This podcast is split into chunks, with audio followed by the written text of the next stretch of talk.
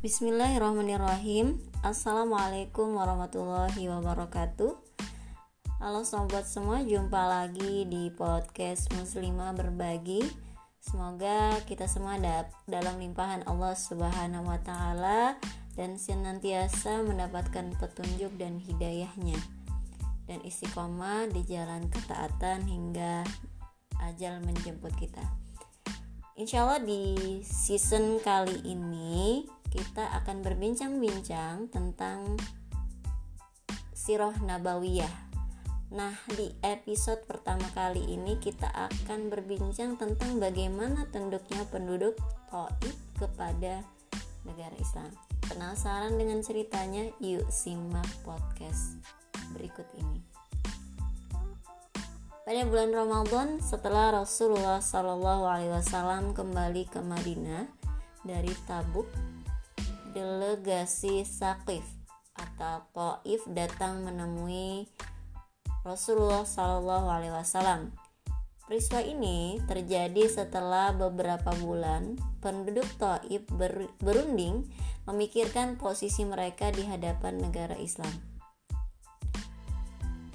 Penduduk Taif menyimpulkan bahwa mereka tidak memiliki kemampuan dan kekuatan untuk memerangi negara Islam, mengingat seluruh jazirah Arab telah tunduk kepada negara yang dipimpin Rasulullah Sallallahu Alaihi Wasallam. Bahkan negara Islam mulai menghancurkan batas-batas kekuasaan Romawi. Nah, uh, penduduk Taif mengirimkan delegasinya. Bani Sakif berbicara kepada Abdu, ya, Abdu Yalil bin Amr bin Umair untuk memintanya pergi kepada Rasulullah. Namun Abdu Yalil menolak melakukannya sebab ia khawatir nasibnya akan sama seperti Urwah bin Mas'ud. Ya, Urwah bin Mas'ud dipanah oleh orang-orang Taif hingga syahid. Sepulang dari menemui Rasulullah Wasallam dan masuk Islam. Abdu Yalil berkata, Aku tidak akan melakukannya sebelum ada beberapa orang yang diutus bersamaku. Akhirnya mereka sepakat mengutus Abdu Yalil bersama dua orang dari Akhlab dan tiga orang dari Bani Malik sehingga jumlah mereka seluruhnya menjadi enam orang. Setelah mereka dekat dengan Madinah dan berhenti di Qanah, mereka bertemu dengan Mughirah bin Syu'bah yang sedang menggembala kuda-kuda yang digunakan untuk berjihad.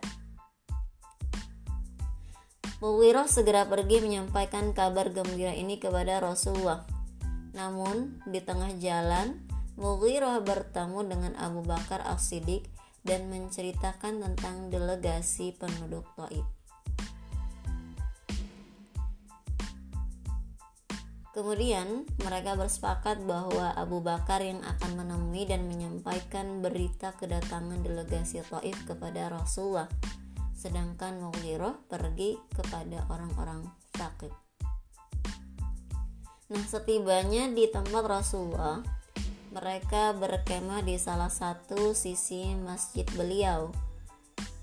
Khalid bin Said bin Al-As menjadi perantara antara delegasi dari Taif dengan Rasulullah.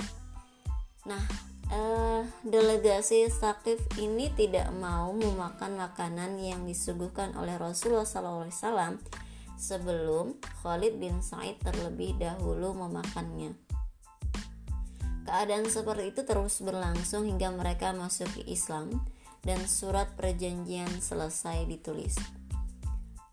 Di antara permintaan delegasi Sakif kepada Rasulullah adalah hendaknya beliau Rasulullah Shallallahu Alaihi Wasallam tetap membiarkan berhala, berhalalata dan tidak menghancurkannya selama tiga tahun. Namun Rasulullah Shallallahu Alaihi Wasallam menolak permintaan mereka. Permintaan mereka untuk membiarkan berhalalata ini berulang kali mereka sampaikan kepada Rasulullah namun Rasulullah tetap menolak memenuhi permintaan mereka mereka berharap bahwa dengan dibiarkannya berhala lata mereka bisa selamat dari amukan orang-orang bodoh, para wanita dan anak-anak mereka. Selain itu, mereka tidak ingin menakut-nakuti kaumnya dengan penghancuran berhala-berhala tersebut sebelum seluruh kaum mereka masuk Islam. Namun Rasulullah SAW tidak bersedia memenuhi keinginan mereka. Selain meminta agar Lata tetap dipertahankan, delegasi Thaqif juga meminta kepada Rasulullah SAW membebaskan mereka dari kewajiban sholat. Rasulullah SAW bersabda tentang penghancuran berhala-berhala dengan tangan kalian maka kalian akan aku bebaskan darinya.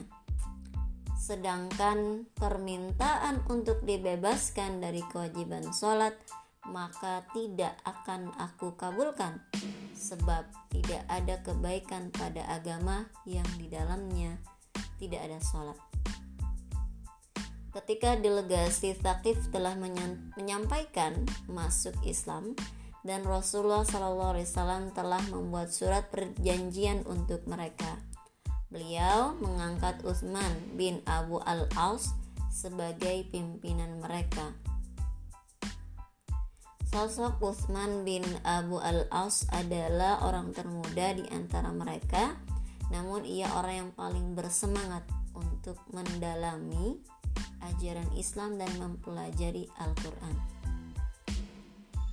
Setelah delegasi Thaqib menyelesaikan urusan mereka dan hendak kembali ke negeri mereka, Rasulullah mengirimkan bersama mereka Abu Sufyan bin Harb dan Ughirah bin Syu'bah untuk menghancurkan berhala Lata. Kedua orang tersebut berangkat bersama delegasi Saqif. Abu Sufyan bin Harb sebelumnya adalah seorang pembela dan penjaga berhala. Ketika penduduk Taif melihat dengan matanya sendiri Abu Sufyan bin Harb menghancurkan berhala, maka akan hancur dan lenyaplah semangat pembelaan penduduk Taif terhadap berhala tersebut. Ketika delegasi bersama Abu Sufyan bin Harb dan Mughirah bin Syu'bah tiba di Taif. Mughirah bin Syu'bah meminta Abu Sufyan bin Harb agar terlebih dahulu memasuki Taif. Namun Abu Sufyan bin Harb menolaknya dan berkata, "Sesungguhnya dan seharusnya engkau sendiri lebih dahulu masuk kepada kaummu." Mughirah bin Syu'bah masuk kepada kaumnya ia naik ke atas berhala Lata kemudian memukul dan menghancurkan Lata. Pada saat Mughirah menghancurkan Lata, ia dilindungi oleh kaumnya Bani Mu'attib sebab mereka khawatir Mughirah bin Syu'bah akan dipanah dan dibunuh oleh orang-orang Taif. Sebagaimana yang terjadi pada Urwah bin Mas'ud Ats-Tsaqafi. Setelah selesai menghancurkan berhala Lata, Mughirah mengambil harta benda dan perhiasan yang ada pada Lata lalu memberikannya kepada Abu Sufyan bin Harb. Dengan demikian, itulah akhir perlawanan kubu-kubu kemusyrikan yang terdapat di Jazirah Arab. Akhirnya seluruh Jazirah Arab tunduk kepada negara Islam. Masya Allah ya, luar biasa Semoga kisah ini bisa mengingatkan kepada kita bagaimana keperkasaan dan kekuatan negara Islam itu sendiri.